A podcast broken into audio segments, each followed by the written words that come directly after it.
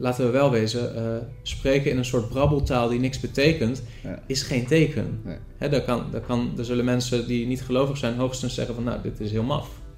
Hè, dit is een beetje raar wat hier gebeurt.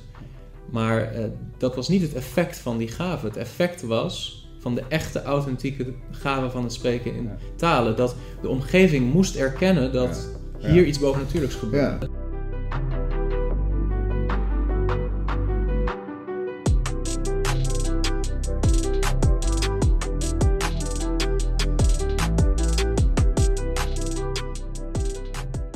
Leander, heel erg bedankt dat je gesprek met mij wil aangaan.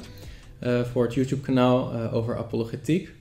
En misschien is het wel leuk voor de kijker dat jij je kort even voorstelt. Want ik ken jou wel, maar niet iedereen kent jou. Tenminste, volgens mij ben je nog niet zo bekend dat iedereen je kent. Maar... Nee, dat eh, klopt. Ehm, mijn naam is Leander, Leander Jans. Ik ben getrouwd met Joanne. We hebben vier zonen en in het dagelijks leven werk ik op twee bijbelscholen. En ehm, mag daar onderwijs geven en eh, eigenlijk is onderwijs wel mijn belangrijkste bediening die ik eh, mag uitoefenen. Ja, je Ja. bent in fulltime bediening eigenlijk eh, bezig met ja, de Heer dienen in zijn koninkrijk. Hè? Ja, dat klopt ja. Is dat, eh, hoe lang is het al dat je echt fulltime in bediening bezig bent? Dat is nu sinds vijf jaar. Daarvoor eh, één, twee dagen per week was ik bezig met onderwijs en evangelisatie. En sinds vijf jaar zijn wij eh, eh, als gezin in de Bijbelschool gaan wonen. En eh, dienen we daar inderdaad eh, fulltime. Ja. Ja. Ja. Hey, misschien leuk voor de mensen die dit gesprek zo volgen om te weten van... eh, ik, ik kom jaarlijks eh, ook wel langs bij jullie bijbelschool om een, een week ook onderwijs te geven op- over apologetiek. hè? Ja, ja, Ehm, wat ik heel eh, leuk vind om te doen en echt een voorrecht vind om te doen. Ja. Maar jij bent hier altijd, hè, volgens mij. En er zijn veertien studenten die fulltime bezig zijn op de bijbelschool. klopt. Ja. En ehm, misschien is het ook wel leuk om gelijk te noemen van... ja, dit is misschien ook wel een traject voor andere mensen die Ja, kijken naar dit YouTube-kanaal. Ja. Jullie, jullie hebben echt de visie volgens mij om mensen bijbels toe te rusten... om de Heer te dienen in zijn koninkrijk. dat klopt. Ja. Ja. ja, we verlangen echt dat met name jonge mensen eh, die, die een verlangen hebben om, om God dieper te leren kennen. En echt een tijd intensief met het woord van God bezig te zijn. Om die eh, ja, te onderwijzen. Eh discipelschap is denk ik een belangrijk woord. We verlangen echt discipelen van de Heer Jezus te maken. En doordat je met elkaar samenleeft in een eh, leefgemeenschap, komt er ook een interessante dynamiek. Hè? Dus je hebt het niet alleen over onderwijs, maar je gaat ook met elkaar leven. En kom je ook wel bij het aspect van karaktervorming. En door de genade van God zien we echt dat studenten hier ja, op het niveau van hun hoofd bijbelse zaken helder krijgen. Dat ja, ook goed kunnen vertalen naar hun hart. En Wat betekent dat voor mijn persoonlijk leven? Maar we zoeken ook de vertaling naar handen, stageactiviteiten en outreach. Eh, dat, gewoon, dat studenten ook beter helder krijgen van... hé, hey, dit is hoe ik de Heer kan dienen... en dit kan mijn plek zijn ergens in de gemeente van de Heer Jezus. Ja. Ja. En je ziet dat eh, jonge mensen die dit eh, doorlopen want het is één jaar of twee jaar? Of... Eh, onze fulltime opleiding is twee keer vier maanden. Discipelschapstraining en missietraining, samen is dat één jaar. Oké. Ja. En je ziet dat veel mensen die hier weggaan ook vervolgens eh, actief zijn in bediening, geestelijke bediening. Of... Ja. Lang niet altijd fulltime natuurlijk. Sommigen doen het naast hun studie. Maar je ziet wel dat ze actief gaan in hun gemeente of bij een andere christelijke organisatie om dat wat ze hier op eh, Gospel Mission hebben mogen leren, eh, door de lessen heen, door de gesprekken heen, door de begeleiding heen, door de literatuur heen, andere momenten, dat ze dat ergens gaan toepassen op, een, op de plek waar God ze stelt. Ja, ja. Zoals ik het go- goed mag omschrijven, zeg maar, en samenvatten, jij bent, ehm, jij bent iemand die wel je hele leven eigenlijk hebt gegeven nu aan het Koninkrijk van God, bediening, mensen helpen om geestelijk te groeien en het evangelie te prediken. Ja, En beter te begrijpen, wat is het evangelie en hoe zouden we daarmee naar de wereld moeten gaan. Ja. Klopt dat? ja, dat is denk ik wel een goede samenvatting. Ja. Ja. Ja. Hey, en wij, wij spreken vandaag met elkaar over de gave van eh, talen of tongen. Ja. Eh, ja, we hadden net zo goed over andere dingen kunnen spreken, maar dit is een onderwerp wat ehm, ja, toch ook wel relevant is en wat veel verdeeldheid, denk ik, geeft, ook in de Ja. christelijke wereld in Nederland. Soms krijg je wel eens, krijg ik wel eens de indruk dat er grosso modo maar twee kampen zijn. Ik weet niet of dat jij dat ook zo ervaart, maar zo ervaar ik het soms wel eens. Je bent of je zit in een soort traditionele, hè, misschien reformatorisch of gereformeerde gemeente en dan, ja, dan geloof je gewoon dat de gaven niet meer voor vandaag zijn. Hè? Dat dat puur de eerste eeuw was, dat ondersteunde zeg maar, de boodschap en het gezag van het evangelie. Ja. En nadien heeft dat eigenlijk zijn functie verloren, is dat gestopt en ehm, ja, draait het echt om de prediking van de schrift. Zeg Ja. maar. Sola scriptura, dat is eh, de boodschap. Hè? Het gezag daarvan is bevestigd door die wonden en die tekenen. En dan heb je daar tegenover een soort ander kamp wat zegt: nee, alle gaven zijn voor vandaag de dag. Het is allemaal beschikbaar. God wil dat je die gaven ook hebt, inclusief het spreken in tongen. Eh, en ja, dan kom je bijna al in een soort het charismatische kamp, de soort van Azusa Street eh, beweging die, die op enig moment, eh, ja, zo'n 100 jaar geleden is begonnen in de Verenigde Staten, die heel veel invloed heeft gekregen op de Pinksterstroming. Maar goed, heel die geschiedenis daar gelaten. Het kamp wat zegt, nou, ook tong is voor vandaag de dag. Het is een soort, ja, bijna een soort privé gebedstaal. Ja. Eh, het is niet een letterlijke taal van mensen, het is een taal van engelen. En nou ja, daar moet je naar zoeken, zeg maar. Ja. En soms krijg je wel eens het gevoel, dat heb ik dan, dat daar niet zoveel tussen zit. Dat, dat, dat zijn de twee Ja. eh, kampen. Herken jij dat of, of zie jij ook wel meer nuance, zeg maar, daartussen? Ik zie wel meer nuance komen. Is dus dat er ehm, eh, kerken zijn, theologen zijn die, ehm, die eh, niet in die extreme zitten. Dus die niet alle gaven overboord gooien en zeggen dat was alleen voor toen, nu niet meer noodzakelijk. Ehm, en aan de andere kant ehm, eh, ergens ook, ook begrijpen van wacht even, ehm, de manier waarop het soms ook functioneert. Hè, dat mensen talen echt heel erg gebruiken om, om zelf bevestigd te worden. Als een soort tooi in plaats van als een tool om de gemeente van de Heer Jezus op te bouwen, die twee uitersten. Gelukkig zie ik wel meer mensen, ook in onze tijd, ook wel in meer behoudende kringen, die eh, echt wel eerlijk bijbelstudie willen doen naar, naar een gezond bijbels evenwicht. Hè, waar talen voor, of waar eigenlijk geestelijke gaven in het algemeen voor bedoeld zijn. Ja. Eh, maar ik herken zeker die twee uitersten die helaas eh, vaak tegenover elkaar gezet worden. En dat polariseert eigenlijk alleen maar. Ja. Ja. en wat misschien ook grappig is om te noemen, ik vanuit mijn eh, herkomst, mijn, mijn kerk waar ik vandaan kom, ik ben opgegroeid in de evangelische Ja, wereld. De volle evangelische gemeente, of een lokale volle evangelische gemeente, wat kleinere gemeente in Rotterdam. En ik ben eigenlijk opgegroeid in een klimaat, zeg maar, hè, wat, wat verbonden is, wat terug te traceren is wel naar die Azusa Street Revival, Hmm. eh, de opwekking in Nederland, of hè, ja, veronderstelde opwekking op het Malieveld, eh, de bovennatuurlijke dingen die zouden zijn gebeurd. Eh, ja, er zijn veel gemeentes, hè, vooral evangelische gemeentes, denk ik, kunnen zich op de een of andere manier terug herleiden naar Ja. die, die eh Malieveld-opwekking. Ehm, ja, de gemeente waar ik ben opgegroeid was een soort satellietje, zeg maar, wat daaruit is ontstaan. Een klein eh, kerkje. Ja. En ik ben dus altijd opgegroeid met het idee in mijn kerk van ja, die gaven die, die zijn voor vandaag de dag. Waarom zouden die alleen, waarom zou als Paulus dat schrijft aan de Korinthe gemeente hè, en hij heeft het over die verschillende gaven, waarom zou dat opeens er vandaag niet meer zijn? Hè? En als er dan werd gesproken over ja, 1 Korinthe 13 tongen zullen verstommen, dan dacht ik ja, maar dat, dat is wel een hele zwakke basis om op basis daarvan te zeggen, nou die Hmm. gaven die zijn er niet Hmm. meer. Hè, dat soort argumenten. Eh, ik ben eigenlijk gaanderweg meer opgeschoven richting cessationisme. Niet eh, volledig cessationisme, maar ik ben wel steeds meer gaan inzien dat de situatie in de eerste eeuw wel wezenlijk anders was dan de situatie van vandaag de dag. En dat we in een andere fase zitten van Gods helsplan. Dus ik ben eigenlijk meer opgeschoven van de beweging die zegt, ja, eh, tongen of zelfs tongentaal hè, eh, is voor vandaag en het is een soort een, een teken van vervulling met de Heilige Geest. En ja, je kan het ervaren als een, eh, een, een, een, een soort gebedstaal voor in je eigen stille tijd. Ehm, hoewel ik ook in die context waar ik vandaan kom niet echt gezien heb dat er mensen waren die in zeg maar tongentaal spraken waarbij dat ook vertaald werd of dat dat Nee. ook een soort didactische functie had in de gemeente zoals. Paulus dat volgens mij wel duidelijk eist in 1 Corinthië 14. Maar ik ben dus gelijk opgeschoven en ik heb ook zelf wel ervaren eh, ik heb ook best wel lang gezocht naar die gave van het spreken in tongen. Ook best lang gemeend dat ik die gave had.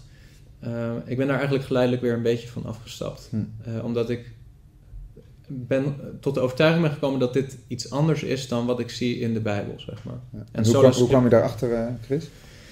Ehm, nou, ik heb op een gegeven moment de beslissing genomen dat niet mijn persoonlijke ervaring de basis zou moeten zijn voor mijn geloof, maar de schrift. Hm. Dat dat mijn ultieme gezag zou moeten zijn. En eh, naarmate ik de schrift steeds meer begon te onderzoeken, en in het bijzonder hè, 1 Korinthe hoofdstuk 12, 13, 14, Hm.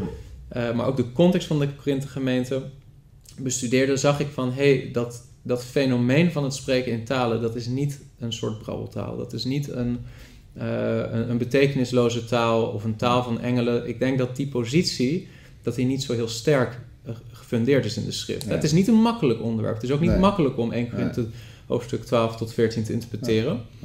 Uh, want er zijn problemen voor zowel de charismatische als de traditionele kant, de ja. kant.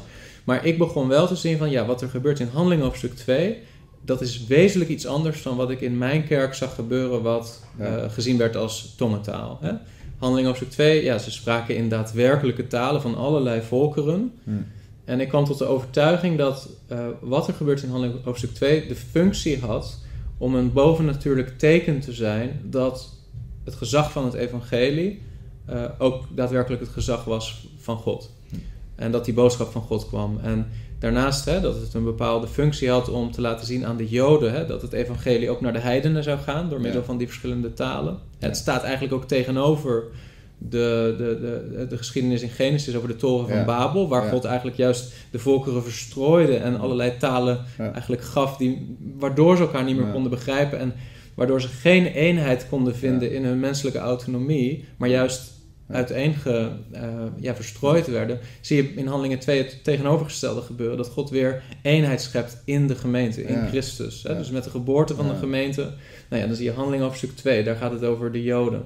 Ehm Handelingen hoofdstuk 8, daar gaat het over Samaria, hè? de- waar enorm werd neergekeken door de Joden de Samaritanen. En God eigenlijk een, diezelfde gave van het spreken in talen als een bovennatuurlijke tekengave schenkt aan Ehm, waarschijnlijk, hè, want er staat daar niet zo expliciet dat ze in talen spraken, maar wel dat ze vervuld werden met de Heilige Geest en dat dat zichtbaar was. Hm. Waarschijnlijk spraken ze ook in talen. Nou, dat was een boodschap aan de apostelen. De Samaritanen horen ook bij de gemeente. Hè. Het evangelie is ook voor hun. Vervolgens in Handelingen 10, Cornelius, de, hè, de- ja, een heiden in feite. Waarbij er zo enorm werk moet worden verricht om Petrus ervan te overtuigen in zijn geweten dat ook de heidenen Ja.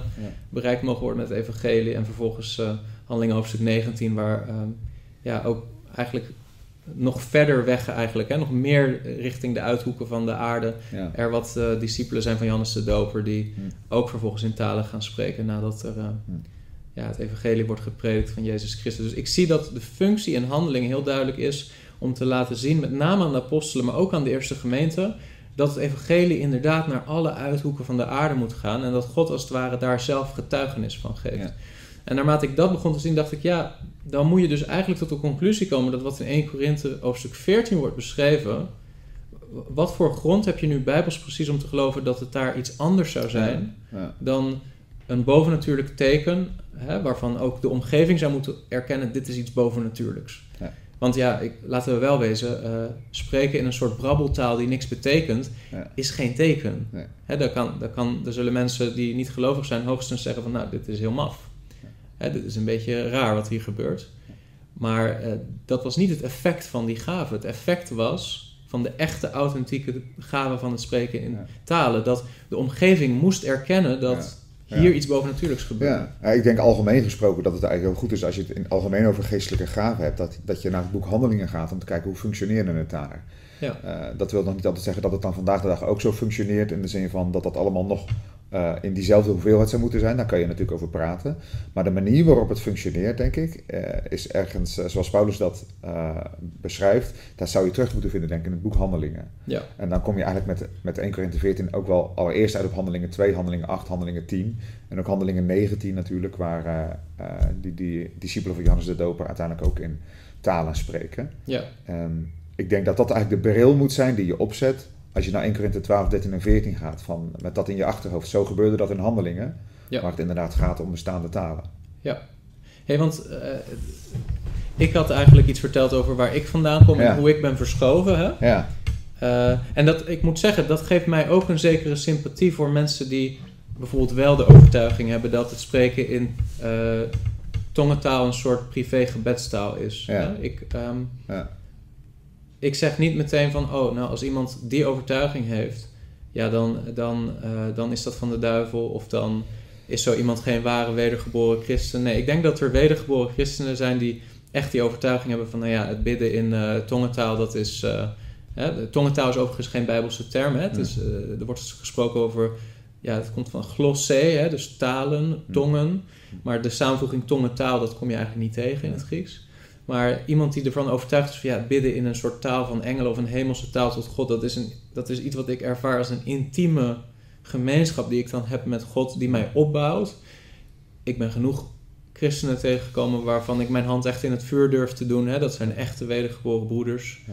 of zusters die wel die overtuiging hebben van dat Ja. beleef ik zo. Ja. Eh, dus ik heb, eh, ik heb sympathie voor mensen die aan die kant staan. Hm. Maar goed, ik heb zelf ook de ervaring van ja, je kan dat doen. Dat hoeft niet per se schadelijk te zijn. Hm. Mijn ervaring is ook niet dat het nou per se heel veel oplevert. Hm. Ja. Ehm, maar hoe kom, waar kom jij vandaan, Leander? Ja. Want jij hebt een andere achtergrond dan ik, hè? Ja, ik heb een behoorlijk andere achtergrond. Ik kom echt meer uit de, uit de reformatorische hoek. En ehm, eh, ja, dat is denk ik ehm, echt een orthodoxe groepering, zeg maar. Die, ehm, de kerk waar ik bij zat, eh, waar eh, echt de aandacht ligt op het woord. Hè. Dus het sola scriptura is ontzettend belangrijk. En ik denk dat de werking van de Heilige Geest daar sterk beperkt wordt tot de wedergeboorte eigenlijk. Overtuigen van zonde en het brengen tot levend geloof in Christus. Ehm, en geestesgaven, ehm, dat was eigenlijk voor mij iets waar, waar ik denk ik nauwelijks iets over hoorde. Ik kende denk ik wel eh, dat principe van Efeze 4, dat Christus gaven aan de mensen gaf. Eh, ik denk in de theologie dat het daar heel sterk beperkt werd tot de ambten van ouderling eh, of dominee. dat dat eigenlijk, en soms nog dat daar eigenlijk zag dat dat zijn dan gaven. Maar ik verbond dat totaal niet aan elkaar. En gaandeweg, toen ik tot geloof kwam en ook wel in contact raakte met christenen die een wat andere achtergrond hebben, ehm, eh, ik op een gegeven moment zelf wat meer onderzoek ging doen en wat onderwijs ging volgen, ook wel hierover. Op een gegeven moment kwamen, kwamen gaven en talenten, die worden, worden vaak gecombineerd, hè, kwamen een beetje om de hoek kijken. En eh, ben ik daar meer over gaan lezen, meer over gaan zien.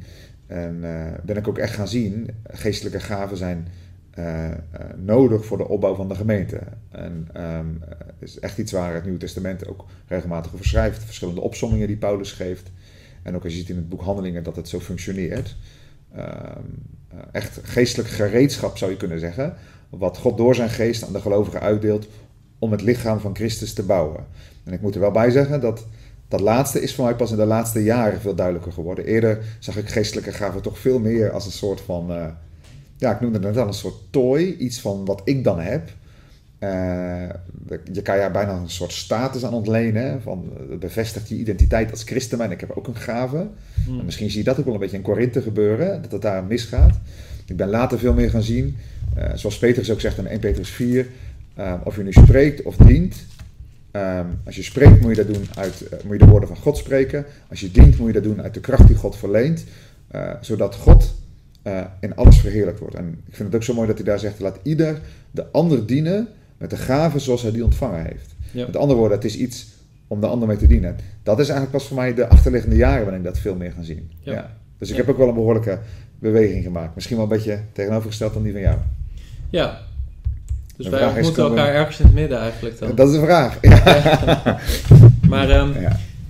ja, misschien is het goed om eh, even te benoemen. Ik heb dat in mijn vorige video ook genoemd. Maar eh, het hele concept van tongen als gave, hè, talen. Ja. Het, het, het, het woord glosse laat zich vertalen met tongen, maar ook met talen. Ja. Je zou het net zo goed gewoon kunnen hebben over de gave van talen. Ja. Maar het komt maar in drie Bijbelboeken voor. Hè? In het. Nieuwe Testament, in het Oude Testament komt het natuurlijk helemaal niet voor. Maar in het Nieuwe Testament zijn er maar drie Bijbelboeken waar het voorkomt. En ehm, dat is Marcus, hè? helemaal aan het eind. Het verlengde einde van Marcus. In een aantal versen die ook in de meest vroege manuscripten van het Marcus-evangelie niet voorkomen. Eh, wat, wat, wat dus betekent dat je wel wat voorzichtig moet zijn om al te veel gezag, denk ik, toe te bedelen aan dat laatste stuk van Marcus. Maar goed, hè, laten we van, hè, er zijn mensen die zullen zeggen van ja, ik ben eh, Textus Receptus only of ik geloof dat dat eh, ook erbij hoort. Oké, Ja. dan nog, hè, dan is het, er wordt daar niet heel expliciet gesproken over dat het een soort onbegrijpelijke taal is. Hè? Dan wordt er gesproken in de context over, ja, mijn discipelen zijn te herkennen aan, en dan worden allerlei bovennatuurlijke fenomenen genoemd. Hè? Eh, ja, eh, als ze gif zullen drinken, zullen ze niet sterven. Dat, Hmm. eh, ja, ze zullen demonen uitwerpen, zieken genezen en in andere talen of in Ja. andere tongen spreken. Dat zijn hele duidelijk bovennatuurlijke fenomenen, hè, waarvan, je, waarvan de Heer Jezus bijna zegt van je herkent mijn discipelen zo. Er zullen bovennatuurlijke tekenen gepaard gaan met hun Ja. prediking. Ja. Eh, dat schept niet bepaalde indruk al dat dat zou gaan over een soort onbegrijpelijke taal van engelen. Ja. Want het effect van zoiets is eerder dat mensen denken: jij bent een beetje raar. Dan dat het effect is: dit is heel apart. Want jij spreekt in een taal die je van nature niet kent. Ja. En je vertelt mij over de grote machtige daden van God in mijn eigen taal. Hoewel die barrière er zou moeten zijn. dus bij Marcus, het laatste stuk, ben ik er niet van overtuigd dat je kunt onderbouwen dat de, hè, de charismatische visie, dus de zeg maar, tongentaal, die uh, meer een hemelse taal is of een gebedstaal is, ik denk niet dat je dat daar goed kan zien. Ik denk dat Marcus het einde meer pleit voor het soort talen wat je ziet in Handelingen hoofdstuk 2. Nou ja, het boek Handelingen beschrijft wat er gebeurt in de geschiedenis van de gemeente. Heel duidelijk dat het daar absoluut niet gaat over een soort onbegrijpelijke taal. Hè? Het gaat er echt over talen. Het is een bovennatuurlijk fenomeen. Het geeft getuigenis van het evangelie. Hier gebeurt iets wat niet verklaarbaar is op een natuurlijke manier. Um, dat is apart. Want uh, juist zeg maar, het fenomeen van spreken in een taal die niks betekent, hè, dus of eh, je zou kunnen zeggen een soort een, een taal van goden of een, een, taal van God, een hemelse taal, maar iets wat in elk geval voor mensen niet een begrijpelijke, grammaticaal uh, coherente taal is. Dat lijkt iets te zijn, dat is mijn overtuiging, waar de Heer Jezus juist voor waarschuwt in Matthäus. Hè? Wanneer u bidt, bid dan niet zoals de heidenen bidden, wordt er vertaald soms met een omhaal van woorden. Maar er wordt daar een woord gebruikt, een soort samenstelling, uh, bata logeo, of iets van een samenstelling van het woord bata, waarvan niet helemaal duidelijk is in het Grieks hoe je dat zou moeten vertalen. Maar het waarschijnlijk, het idee is dat uh, dat een woord was wat een soort klank omschreef. Dat mensen maar gewoon, ja, hè, net als dat je soms zegt van een vliegtuig zegt whoosh. Hè, dat woord whoosh is geen woord, het beschrijft een klank. Ja. Um, en eh, zo heb je wel meer woorden. Hè? De auto doet vroom. Maar ja, het woord vroom betekent in feite niks. Het is een beschrijving van een geluid, van een klank. Hè? Uh, het zou heel goed kunnen dat dat is wat de Heer Jezus daar bedoelt. Wanneer u bidt, uh, bid dan niet in een soort omhaal van woorden, maar mogelijk dus ook dat u zegt in een soort klanktaal die niks betekent, zoals de heidenen doen. Want zij menen door de veelheid van hun woorden verhoord te worden. Hè? Dus dat bijna een soort bata, bata, bata, bata, bata-achtige fenomenen. Het is zowel vanuit die tekst, maar ook vanuit de historische context van de Korinthe-gemeente een fenomeen wat beschreven wordt dat de heidenen op die manier soms extatische ervaringen hadden met hun, uh, ja, met hun God of met hun goden. Wat dan niet de God van de Bijbel was, maar wel hun een soort extatische geloofsbeleving. Er was natuurlijk allerlei gekkigheid wat er gebeurde. Hè? Ook in Korinthe, ook in Griekenland. Er was sprake van tempelprostitutie. Het lijkt erop dat dat, fenomeen, dat soort fenomenen ook wel invloed begonnen te krijgen op de Korinthe gemeente. Want Paulus ja, waarschuwt eigenlijk van hoofdstuk tot hoofdstuk op allerlei wereldse invloed op die gemeente. Ja. Geestelijke trots, uh, ja, het idee dat je niet je samenvoegt je lichaam, wat een tempel van de Heilige Geest is, met een prostituee. Hè, dat zegt hij niet voor niets. Uh, en het begin van 1 Korinthe hoofdstuk 12, waar hij zegt: uh, Weet dit, hè, dat niemand die spreekt door de Heilige Geest zal zeggen: Jezus is vervloekt. Hm. Het lijkt er haast op dat hij dat zegt, omdat dat soort fenomenen, dat soort extatische geloofsbelevenissen uh, plaatsvonden in de Korinthe gemeente. En hij dus, zoals hij dat in eerdere hoofdstukken met allerlei thema's moet doen, 1 Korinthe 12 tot 14, iets moet corrigeren wat misgaat in die gemeente. Er is een soort bijna een soort heidense invloed op de geloofsbelevenis, waarbij er ja, emotionele extase ontstaat. Uh, en iedereen tegen elkaar op aan het concurreren is met bepaalde gaven, zeg maar. En een, een soort sfeer ontstaat van geestelijke trots. Ja. En Paulus dat vooral moet, aan banden moet leggen. Ja. Het is niet een soort blanco situatie. Hij, er is iets gaande in de Korinthe gemeente en hij moet ze corrigeren. En vandaar die focus op, luister, als die, gemeente, als die gaven functioneren in de gemeente, moeten ze de gemeente opbouwen laat niet iedereen tegelijkertijd spreken in taal. Het is een chaos. Er moet ordelijkheid zijn. Laat het er maximaal twee of drie zijn met vertaling, zodat anderen erdoor opgebouwd worden. Het lijkt erop dat ze vooral bezig waren met zichzelf. Met zichzelf opbouwen. En dat Paulus daarom ook, hè, 1 Korinthe 13, spreekt over de liefde.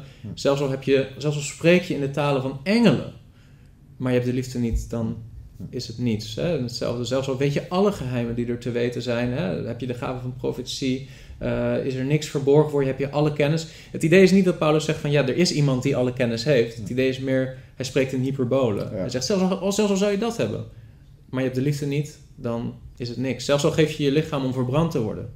Nou, zijn punt is niet dat je dat zou moeten doen. Zijn punt is meer van stel dat je zelfs dat zou doen, maar je hebt de liefde niet. Dan, dan is het nog steeds niks. Ja. ja. dus die interpretatie van zelfs al zou ik spreken in alle talen van mensen en engelen, ja ik denk niet dat het juist is om dat te interpreteren als: oké, zie je dus er is een taal van engelen die we zouden moeten uh, of kunnen spreken als een soort uh, gebedstaal in onze binnenkamer. Hm. Goed, we, we lopen nu misschien een beetje op de thema's vooruit. Hm. Um, Maar ik zie dus een wezenlijk verschil tussen wat ik in het einde van Marcus zie, wat ik in handelingen zie en wat ik dan in 1 Korinthe zie. Daar lijkt iets anders ook te spelen, zeg maar. En ook charismatici zeggen natuurlijk, ja, in 1 Korinthe 14, daar gaat het over een ander soort talen of Ja. gaven Ja. dan in handelingen.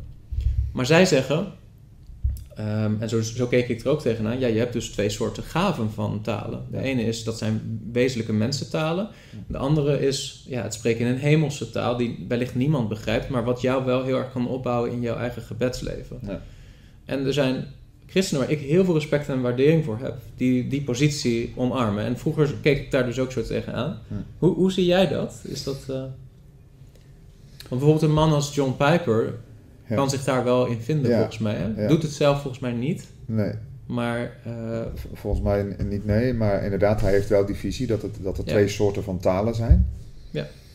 Ehm, ehm, kijk, de, de visie dat, dat er een ander soort van talen zou zijn, een, een soort eh, private prayer, eh, klanktaal, die je alleen in je binnenkamer dan zou kunnen uitoefenen, ehm, ehm, is, is vooral denk ik gebaseerd op de eerste paar versen van 1 Korinthe 14, hè, waar, eh, waar, waar Paulus dat, eh, dat kunnen zeggen dat je met niets, daar staat hier, want niemand begrijpt het, maar in zijn geest spreekt hij geheimenissen. Ehm, met andere woorden, het zou een soort eh, geheime taal zijn die je dan spreekt, Ehm, ehm, maar ehm, ja, die, kan, die moeten of vertaald worden in de gemeente en anders moet je het zo doen. Nou, ik denk eigenlijk dat eh, dat is da- eigenlijk het enige verse waar je dat op zou kunnen baseren. Leg je dat, daar ben ik met jou eens, leg je dat naast handelingen en ook naast Marcus 16, hoe je ook naar die tekst kijkt, dan, dan zie je eigenlijk dat is een andere manier van, van talen. Ehm, daar zie je toch dat het bestaande talen zijn. En mijn inzien zit daar het bovennatuurlijke, is dat ze een taal spreken, een, een, een grammaticaal ehm, coherente taal, die ook herkend wordt als bestaande taal, daardoor kunnen de mensen het begrijpen. Dat is zeg maar het bovennatuurlijke effect. Daardoor wordt het denk ik ook een teken. Ehm, en het is best een grote sprong, denk ik, ook exegetisch, om dan op basis van 1 Korinthe 14, die paar versen, en verderop in het hoofdstuk staan natuurlijk nog, nog wat van dat soort versen, om dan te zeggen, nee, Paulus heeft het hier over een andere gave. Ehm, ik weet dat theologen dat doen, je noemt net Piper, ook eh, bijvoorbeeld Wayne Grudem zegt dat. Ehm, eh, zelf ehm, eh, voel ik met jou mee dat het het meest voor de hand liggend is om, om, om ervan uit te gaan dat Paulus, als hij hier over talen spreekt, spreekt over de manier waarop talen functioneerden in de eerste gemeente, zoals in handelingen beschreven. Namelijk dat het bestaande talen zijn. Ja. Ja. Hey, en even over die context van de 1 Korinthe brief. Hè? Ja. De, er staat in 1 Korinthe 14 vers 1 en 2. Jaag de liefde na en streef naar de geestelijke gaven en vooral daarnaar dat u mag profiteren. Hè? Dus het is wel, al- allereerst, het is al meteen duidelijk dat profetie in de beleving van Paulus een hogere plaats Ja, heeft dan. Ja. de gave van talen. ja. En hij onderbouwt dat ook gaanderweg in het hoofdstuk met het argument... eh, iets zou begrijpelijk moeten zijn voor heel de gemeente. De gemeente moet opgebouwd worden. Ik denk dat het hier, en wat mij heel erg heeft overtuigd... dat hier toch iets... ehm, dat, dat dit een heel context- en tijdspecifiek iets is waar Paulus hier over schrijft... is het feit dat dit... Dit is heel vroeg in de kerkgeschiedenis. Hè? De Korinthebrief is, eh, wat is het, het jaar 53, 54 na. Christus. Een van de eerste brieven van Paulus. Ehm, je ziet in de vervolgbrieven van het Nieuwe Testament dit fenomeen eigenlijk helemaal niet meer terugkomen. Nee. Eh, het idee van het bidden in talen. Dus de, de nadruk die hierop wordt gelegd in de charismatische beweging wordt niet goed ondersteund door het Nieuwe Testament als je Ja. verder gaat. Hè? Ja, Dus, dus als je, als je het heel even de bewijslast goed op een rij zet. Dus Marcus' laatste hoofdstuk gaat waarschijnlijk over iets anders Ja. dan een private prayer language. Hm. Handelingen, daar kom je het niet tegen als het concept private prayer language. En dan 1 Korinthe, eerste brief. Daarna kom je het helemaal niet meer tegen. Dus de enige basis die je eigenlijk hebt om te zeggen: dit is een soort gebedstaal, Ja. Is, eh, nou ja, 1 Korinthe hoofdstuk 13, vers 1. Hè? Zelfs al zou ik talen, spreken in de talen van mensen en van engelen. Wat volgens mij, als je de context ziet, duidelijk hyperbolisch bedoeld is. Ja. Hè? Om- een ander punt te maken, namelijk, als je, zelfs al zou je dat doen en je hebt de liefde niet, Mhm. ja, dan Mhm. ben je als een schallende symbaal, zeg maar. Ja. Dan is het onbegrijpelijk. En dan kom je in 1 Korinthe 14, de eerste verse. En dan staat er, streef naar de geestelijke gaven, of naar de geestelijken, hè, de pneumatico's. Mm. Vooral daarna dat u mag profiteren. Wie namelijk in een andere taal spreekt, of in een taal spreekt, spreekt niet tot mensen, maar tot God. Want niemand begrijpt het, maar in zijn geest spreekt hij geheimenissen. En dit vers wordt dus in de charismatische kringen vaak geïnterpreteerd als een aanmoediging van Paulus om dat te doen. Hm. Maar de context maakt het in mijn beleving veel aannemelijker dat hij dit schrijft om te ontraden om dit te doen. Want de hele context is niet jouw privé gebedsleven. De context is de gemeente, de samenkomsten van de gemeente. Vanaf 1 Korinthe 11 tot en met 1 Korinthe 14 gaat het alleen maar over Hm. de praktijk zoals die zou moeten zijn in de lokale gemeente. Ja. En dus je moet daar in één keer wegspringen uit de context om het te hebben over een privé gebedstaal. Hm. Want 1 Korinthe 14 vers 2, daar spreekt Paulus waarschijnlijk nog steeds gewoon over de samenkomsten Ja. en hoe dat zou zijn. Dus je, het idee zou kunnen zijn dat iemand, ja, iemand spreekt in een taal, hè, nog los van of dat hij het dan heeft over de heidense versie van brabbeltaal, die misschien ook zich had gevestigd in de Ja. Of de echte gave waarbij iemand in een authentieke taal sprak, maar andere mensen dat niet konden begrijpen omdat ze de taal niet spraken. Maar dan staat er, als iemand die in een taal spreekt, spreekt niet tot mensen, maar tot God, want niemand begrijpt het, maar in zijn geest spreekt hij geheimenissen. Vervolgens gaat Paulus eigenlijk door om aan te geven van, dat is niet de bedoeling in de gemeente. In de gemeente zou alles wat wij doen met geestelijke gaven en met onderwijs, zou allereerst begrijpelijk moeten Ja. zijn. Waarom? Omdat het dan de ander opbouwt. Ja. En de interpretatie die in de charismatische kringen gebruikelijk is, is... ehm, ja, dit, dit gaat dus over iemand die bidt in, in een hemelse taal tot God... en hij spreekt geheimenissen tot God. Het idee dat iemand mysteriën of geheimenissen spreekt tot God... heeft meer overeenkomstig, denk ik... en ik ga dit heel voorzichtig zeggen... maar heeft denk ik meer overeenkomstig met heidenreligie... Hè, dan met bijbels christendom. Het idee dat iemand eh, hè, bij een occultisme, het woord occult betekent verborgen. Het idee van, het, eh, van, van veel heidenreligies in, in Griekenland in die tijd was dat iemand, hè, ook het gnosticisme of protognosticisme, was dat mensen verborgen kennis hadden, dat ze ingewijd waren in bepaalde mysterieuze kennis en dat ze daar steeds dieper in kwamen. Dat is geen christendom. Ik geloof, ik ben ervan overtuigd dat het Nieuwe Testament laat zien dat degene, hè, de boodschap is, is voor iedereen, de Ja. boodschap van het evangelie. Het is geen eh, mysterieuze boodschap. Het is een boodschap die heel duidelijk is. Alle mensen zijn zondaren, zo moet het zich bekeren. Christus is gestorven voor de zonde van de wereld. Eh, wie in hem gelooft, ontvangt het eeuwig leven. En vervolgens is het eigenlijk zo dat in het Nieuw Testament je la- ons laat zien dat, dat we niet een soort resterende geheime kennis zouden moeten zoeken, maar dat ons alles gegeven is in Christus. Ja, zeker. Ja. En dat we daarin geen onderscheid hebben met elkaar. Dat niet zo is dat jij een bepaalde gave hebt waardoor je al die mysterieën kent. Hm. En ik ja, een soort minderwaardige broeder ben die het Hm. ja, Mhm. heel erg tegen jou opkijkt. Ik denk dat Hm. dat, dat compleet een tegenovergestelde geest is van wat Hm. Paulus zegt in 1 Mhm. Korinthe hoofdstuk 12 tot 14. Hij zegt juist, jullie moeten elkaar opbouwen. Het is één lichaam, het is één geest. De gaven zijn gegeven tot opbouw van elkaar. Hm. Zorg ervoor dat als je spreekt of Hm. profiteert, of zelfs als je in talen spreekt, dat het Hm. vertaald wordt. Maar zorg ervoor dat de anderen worden opgebouwd. Ja. Ehm, Ik, ik, ehm, ik ben helemaal met jou eens hè, dat je hier ziet dat Paulus absoluut pleit voor de opbouw van de gemeente. En dat hij zegt van eh, daar moeten jullie naar streven. Eh, dat het ten dienste komt van de medegelovigen in de samenkomst, om het zo te zeggen, dat jullie elkaar opbouwen. Ehm, hoe kijk jij dan naar die passages dat hij, dat hij bijvoorbeeld zegt van. Eh, eh, ehm, eh, hier staat bijvoorbeeld van. van ehm, ehm, eh, je spreekt tot God, want je spreekt geheimenissen. Ehm, anderen zeggen van, hey, dat moet je uitleggen als van, hey, dit is een soort, je, je bidt met je, met, je, met je geest, je snapt het zelf niet.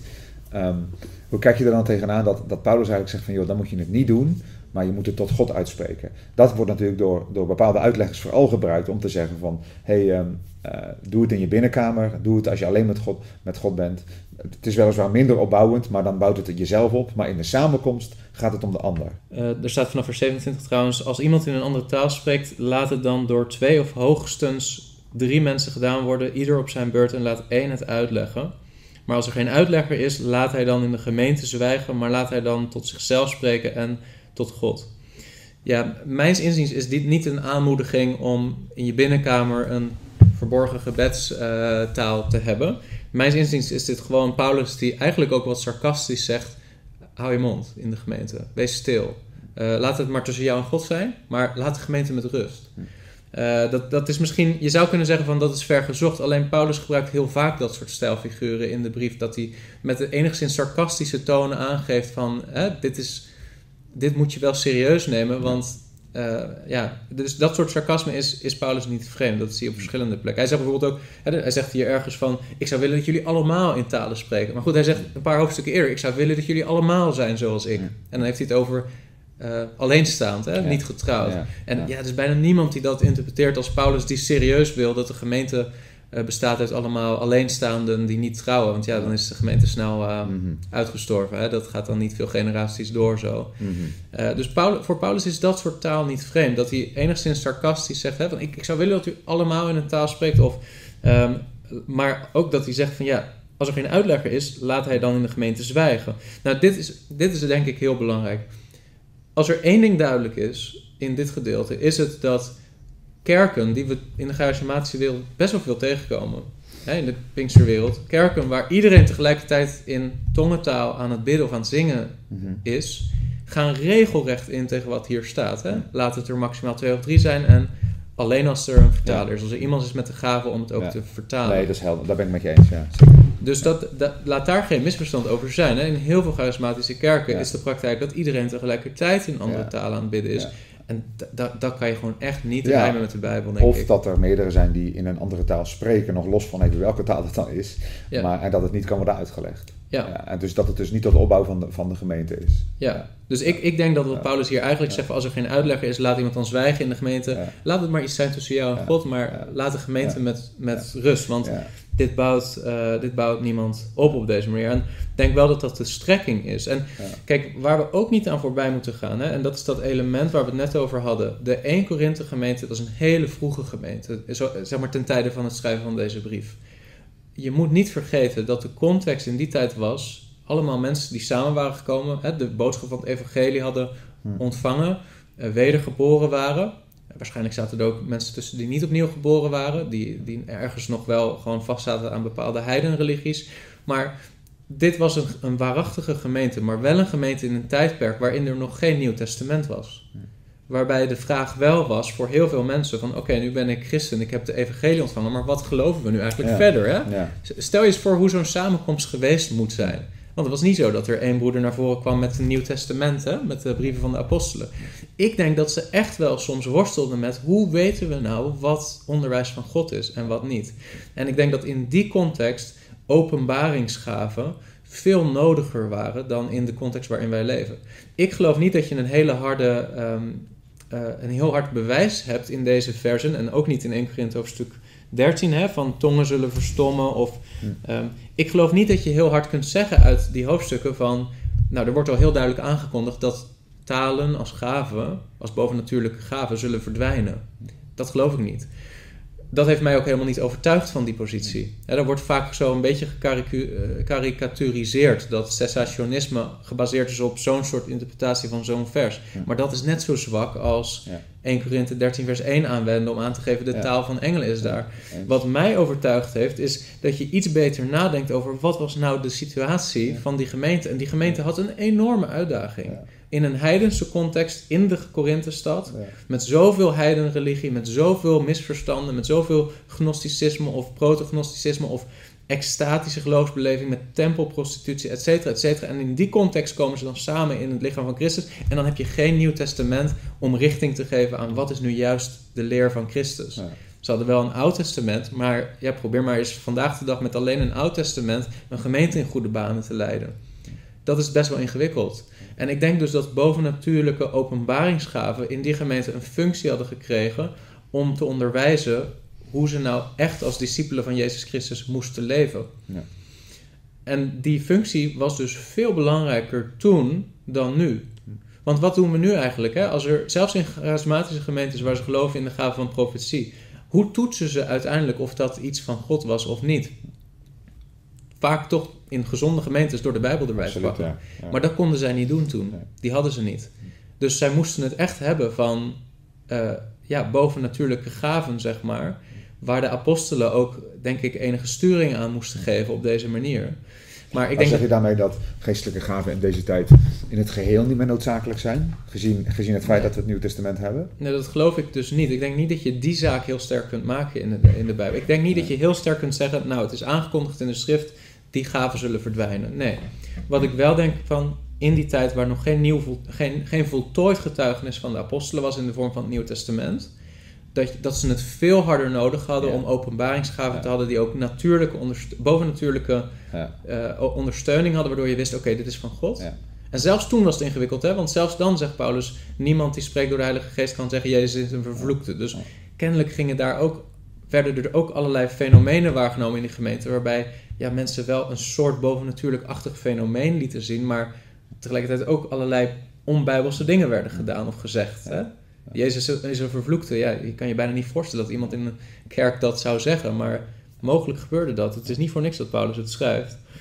Maar ik denk wel van, we moeten met z'n allen erkennen, en zelfs charismatische gemeentes die een beetje gezond zijn geestelijk, erkennen, het Nieuwe Testament is meer gezaghebbend dan een persoon die zegt, ik heb de gave van profetie, en die een soort openbaring deelt, waarvan je gewoon kunt zeggen, wat je zegt is onbijbels. Ja. Mensen die, eh, die, die wel geloven in eh, continuationism, hè, die geloven dat nog steeds de gaven van vandaag de dag zijn.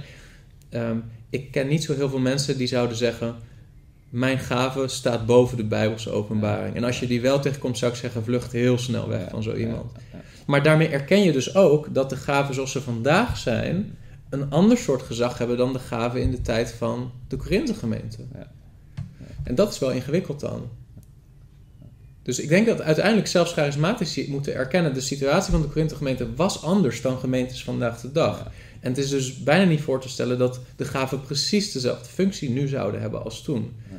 We hebben gewoon met het Nieuwe Testament een voltooide openbaring van God. En ik, ik zou persoonlijk, denk ik, me veiliger voelen in een gemeente waar ik weet, hier zijn een aantal geestelijk volwassen broeders die de gemeente leiden, die elke week opstaan, het Nieuwe Testament openen en die tekst uitleggen, dan in een gemeente waar vooral de gave van profetie, zeg maar, leidend wordt in het delen van het woord. Ja, als het leidend wordt, denk ik. Dat het is, je ziet denk ik wel heel duidelijk dat Paulus toen ook al zei van we moeten de dingen toetsen. Dus het is, ergens is het subjectief, denk ik. En dat heeft Ja. de toetsing, de objectieve toetsing van het woord nodig.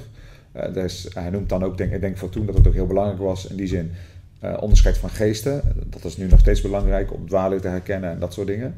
Eh, maar ik denk dat, eh, dat het echt onderworpen is aan de autoriteit van het woord van God en dus toetsing nodig heeft op grond van het woord van God eh, door volwassen gelovigen ehm, die, ehm, ja, die ook gaan van onderscheid van geesten kunnen beoefenen en, en kunnen onderscheiden is deze boodschap nu in lijn met de schrift, zeg maar, ook in lijn met de brede boodschap van de schrift. En ik denk dat het heel belangrijk is. En ik denk dat heel veel verwarring daardoor ontstaat, doordat er een soort wildgroei van gaven is. Ja, Ja. ja absoluut.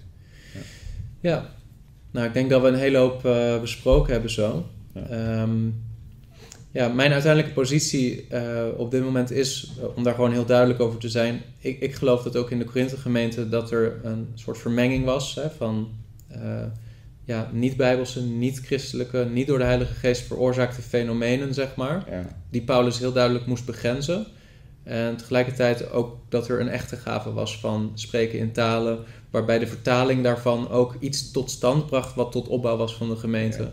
Ehm, ik denk dat dat vandaag de dag minder hard nodig is. Wat ik wel denk is dat met name wanneer mensen, zendelingen, hè, evangelisten, uitgaan naar plekken waar het evangelie niet gepredikt is nog. Ja. Waar er geen basis is van een getuigenis van het christendom. Hè, bepaalde ge- gebieden in de wereld en daar naartoe gaan in gehoorzaamheid aan de geest van God om het evangelie te prediken. Ik denk dat dat de context is met name waarin je ook vandaag de dag nog zou kunnen zien dat de Heilige Geest die boodschap ondersteunt ja, met wonderen, met tekenen, met eh, hele directe profetieën, zeg maar. eh, en ook met een gave van talen. Hè? Daar hoor je ook getuigenissen van. Dat mensen ergens komen en dat ze in één keer in de taal gaan spreken, die ze niet geleerd hebben, van een persoon die daar staat en het evangelie prediken. En ik kan natuurlijk persoonlijk niet al die getuigenissen checken. Nee. Maar ik ben best bereid te geloven op basis van de schrift dat dat nog steeds gebeurt. En dat zou dus een bewijs ook zijn van het feit dat de gaven in die zin vandaag ook nog nodig zijn. Zeker in bepaalde contexten. Ja, dat, dat zou heel goed kunnen. En ik, ben, ik wil het absoluut niet uitsluiten op basis van de schrift. Dus puur cessationisme Ja, eh, gaat denk ik verder dan, wat, dan ik zou gaan Ja, op dat vlak. ja. Maar wat ik wel zeg, ja, in de meeste gemeenten vandaag de dag waar ze de gave van het spreken in tongentaal uitdragen, denk ik dat ze compleet strijdig zijn met wat de Bijbel daarover leert. En dat Ja. is een harde boodschap, maar ik denk Ja. dat we met z'n allen Ja. daar Eh, Ja, en ik denk ook, wat, maar maar ik ben benieuwd hoe jij dat ziet, Chris. Ik denk ook de, de, het belang wat christenen soms hechten aan het spreken in talen. eh, Nog even los van welke talen dat zijn, maar dat ze daar, dat, dat zo belangrijk wordt gemaakt. Hè. In, in de klassieke Pinksterleer is het natuurlijk het bewijs van het ontvangen hebben van de Heilige Geest. Dat je spreekt in talen. Ehm, dat, dat vind ik echt ehm, niet in lijn te brengen met het brede getuigenis van de schrift. Ja. Anders zou Paulus, als hij zijn aansporingen geeft aan de Filippenzen, of als hij zijn slotboodschap geeft aan de, de Efeze aan het eind van zijn brief, zou hij naast dat, dat hij zou zeggen, heb iedereen lief, eh, heb een goed getuigenis, eh, dien elkaar, eh volhard in het gebed, eh, maar spreek ook in talen. Dat zou hij er dan zeker bij gezegd Ja. als een soort algemene aansporing. Ja. En mijns inziens ontbreekt dat helemaal, zeker ook in de latere brieven. Het is eigenlijk maar één brief die, waar Ja. Paulus het bespreekt. Nou, in de Efezebrief, en de Efezebrief is echt een brief waarvan je zou verwachten dat als het zo belangrijk zou Absoluut, zijn, ja. dat het erin zou staan. Ja, het is een rondzendbrief, het ging Ja. door heel Klein-Azië heen. Klopt. Ja. Eh, de- de- Ja. En ja, de, de, de, de, zowel de, de leer hè, in de eerste drie hoofdstukken als de praktijk in de laatste drie hoofdstukken worden heel duidelijk weergegeven. En Ja. er wordt, wordt helemaal niet gesproken over zo'n gave van talen. Ja. Of, en overigens ook niet Ja. over genezing of andere bovennatuurlijke fenomenen. Dus Ja. het idee dat het christendom hè, op dit moment in de tijd een plek zou moeten zijn waar voortdurend allerlei bovennatuurlijke fenomenen zouden moeten plaatsvinden. Daar vind je eigenlijk helemaal geen grond voor in nou ja, de latere brieven van het Nieuwe Testament. Hey, wat, wat denk jij dat, waarom zouden toch zo heel veel christenen daar wel naar zoeken? Hè? Naar juist bijvoorbeeld die drie sterk bovennatuurlijke gaven, profetie, genezing en talen. Ja. Ehm, die springen er eigenlijk altijd uit. Als je mensen vraagt naar geestelijke gaven, waar denk je aan, dan hoor je die als, als eerste. Waarom denk je nu dat dat juist in deze tijd zoveel christenen enorm bezighoudt? Ja.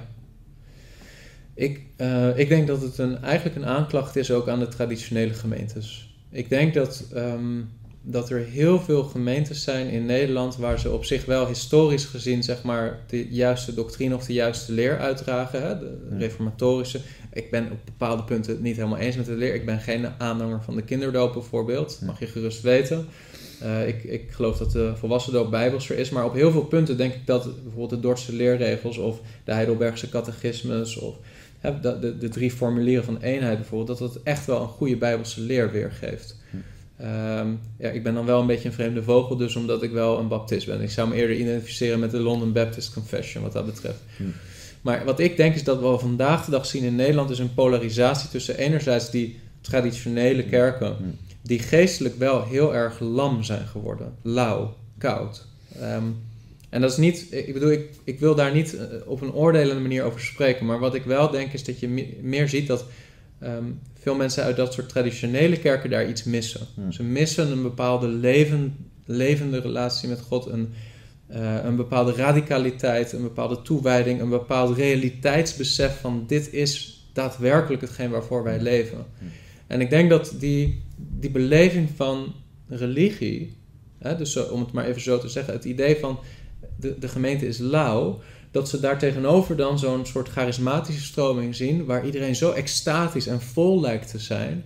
En men dus denkt, oké, dan zal die leer wel de betere Ja. leer zijn. Ja. En ik denk niet dat dat de oplossing is. Ik denk dat de oplossing uiteindelijk is dat wat wij nodig hebben is lokale gemeenten waar een bijbelse gebalanceerde leer is en tegelijkertijd een daadwerkelijke vervulling met de Heilige. Geest. Levendige voorbeelden Ja. van mensen die Christus volgen. En God doet zijn werk in Nederland. Je ziet Ja. dat soort gemeentes. Amen, ja. Eh, en ik wil ook echt niet zeggen dat alle traditionele kerken verkeerd zitten, want dat, dat geloof ik ook absoluut Nee. niet. Hm.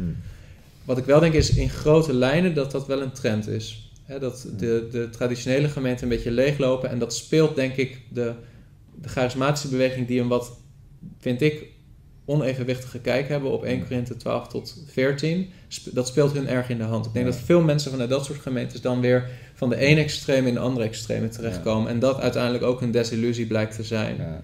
Ehm, en dat is jammer. Ik denk dat dat een aanklacht is voor, voor, eh, voor ons. En dat we als le- geestelijk leiders in Nederland ehm, moeten zoeken naar meer stabiele, maar ook hete, niet geestelijk lauwe, maar geestelijk hete gemeentes waar we weer overtuigd zijn van het ware evangelie. Ja, ja.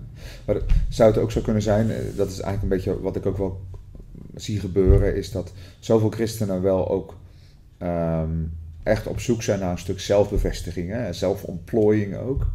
Een geestelijke gave is in die zin op een bepaalde manier ook interessante materie voor het vlees. Hè? Dus Ja. je, zeker als het bovennatuurlijke dingen zijn. Ik denk bijvoorbeeld dat, dat daarom genezing en profetie en talen heel erg in de mode zijn. En, en ook altijd wel zijn geweest, denk ik hoor. In, in, in, in, in, dit- door de geschiedenis heen. Maar vooral denk ik de laatste 150 jaar dat het weer echt opgeborreld is, om het zo te zeggen. Mhm. Ehm, eh, zie je denk ik wel dat, ehm, eh, dat dat uiteindelijk gewoon te maken heeft met mensen die in die beoefening van die geestelijke gaven een stuk zelfbevestiging, zelfontplooiing zoeken.